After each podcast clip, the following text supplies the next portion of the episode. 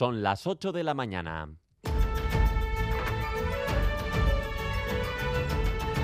Crónica de Euskadi.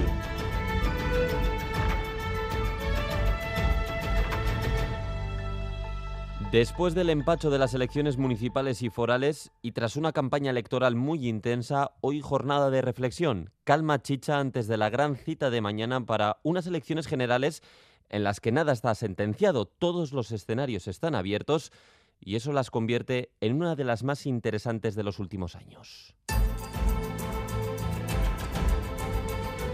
¿Qué tal están, Egunon? Ayer los partidos eh, políticos apuraban sus últimas horas para pedir el voto en una campaña para unas elecciones generales muy abiertas, porque ya el bipartidismo es historia y no basta con ganar los comicios, hace falta sumar una mayoría solvente en el Congreso para formar gobierno. Interés que se traslada a Euskadi, donde los sondeos alumbran una pugna intensa entre PNV, Euskal Herria Bildu y PSE. Pero más allá de la política, destacan los datos del empleo en la comunidad autónoma vasca. El paro cae durante el segundo trimestre del año hasta el 7,4%, el nivel más bajo desde el año 2008, antes de que estallara la burbuja inmobiliaria. Y en esa senda, por estabilizar el empleo, hoy continúan los exámenes de la OPE de Osakidecha, hoy con la prueba, entre otros, eh, de médico de familia, una de las más demandadas, Asier Herrero. 3.285 opositores, entre los que además de médicos de familia están pediatras o técnicos en radioterapia, se juegan un un puesto en Osakidecha. Durante todo el día, los profesionales de ocho especialidades separados en tres turnos van a hacer frente al último examen de la OPE antes del parón por vacaciones. A mediados de septiembre, las pruebas volverán con algunos de los exámenes más concurridos, como los de enfermería, auxiliar de enfermería o celador. Y hoy es 22 de julio.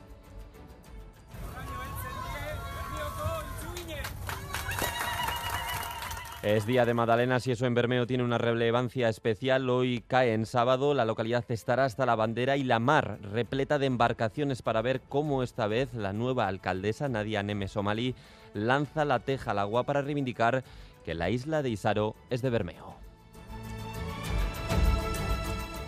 Este año queremos apuntarnos a pues, torneos del FIFA, a torneos del Tetris, a todo. Hemos estado practicando. Al Animal Crossing, al Mario Kart, al Zelda. Son las voces de los asistentes a la Euskal Encounter que ayer ya preparaban su setup en el BEC para disfrutar de cuatro días intensos de informática y videojuegos con, con conexiones a Internet ultra rápidas en los más de 3.600 ordenadores. Y hoy también en el BEC se paseará Eddie.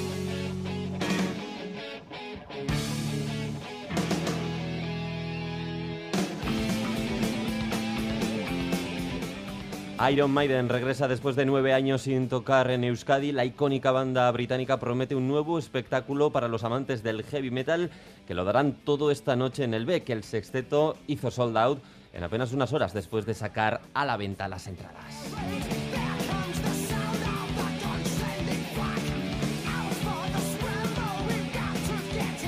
Y en Radio Euskadi también deporte con John Subieta. Egunon, John. Hola, Egunon. Empezamos hablando de fútbol, de la final de la Euskal Herriko Chapela que se disputó en Irún con triunfo de Osasuna por 3 a 1 ante una Real Sociedad con muchas bajas.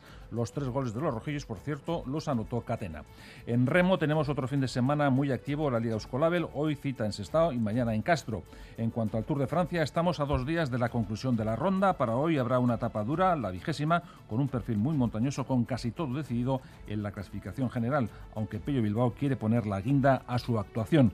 En, pelota ya ha dado comienzo el Masters CaixaBank, ayer retocó el turno en Urrestilla, donde se medieron Izcurdia y Mariz Currena ante Peña y Rezusta. Vencieron los primeros por 22-17. Esta noche continúa el campeonato con el partido que citará en Baracaldo a Altuna Imaz ante Jaca y Martija. Por cierto, ayer Altuna y Martija ganaron por 22-17 al Ordi Zabaleta en Bermeo.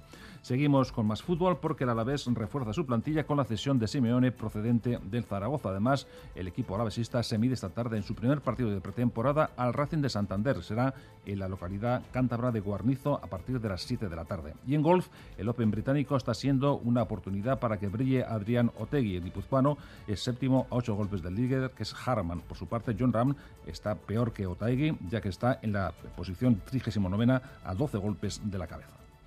Y es sábado, hoy parece que lucirá el sol, pronóstico del tiempo con Euskalmet, Yayone Munarri, Egunon.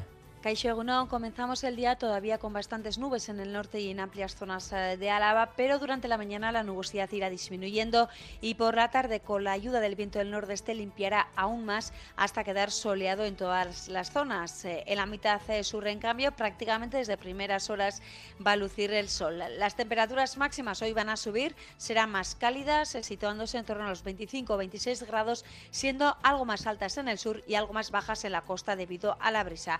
Y el domingo predominará el ambiente soleado en general, aunque en la zona cantábrica aparecerán algunos intervalos de nubes bajas. Así que cuanto más al sur, cielos más despejados y después por la tarde irán apareciendo algunas nubes medias y altas. Las temperaturas máximas subirán de forma notable, así que mañana regresará el calor al interior, con valores por encima de los 30 grados en muchos puntos y rondando o superando los 35 grados en el sur de Álava y sur de Navarra.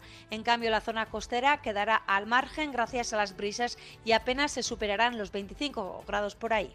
Hasta ahora los termómetros marcan 12 grados en Vitoria-Gasteiz, 14 grados tenemos en Iruña, 15 en Bilbao, 16 grados en Bayona y 18 en Donostia. En el control técnico, Asiera Aparicio y Aitor Arrizabalaga, comenzamos.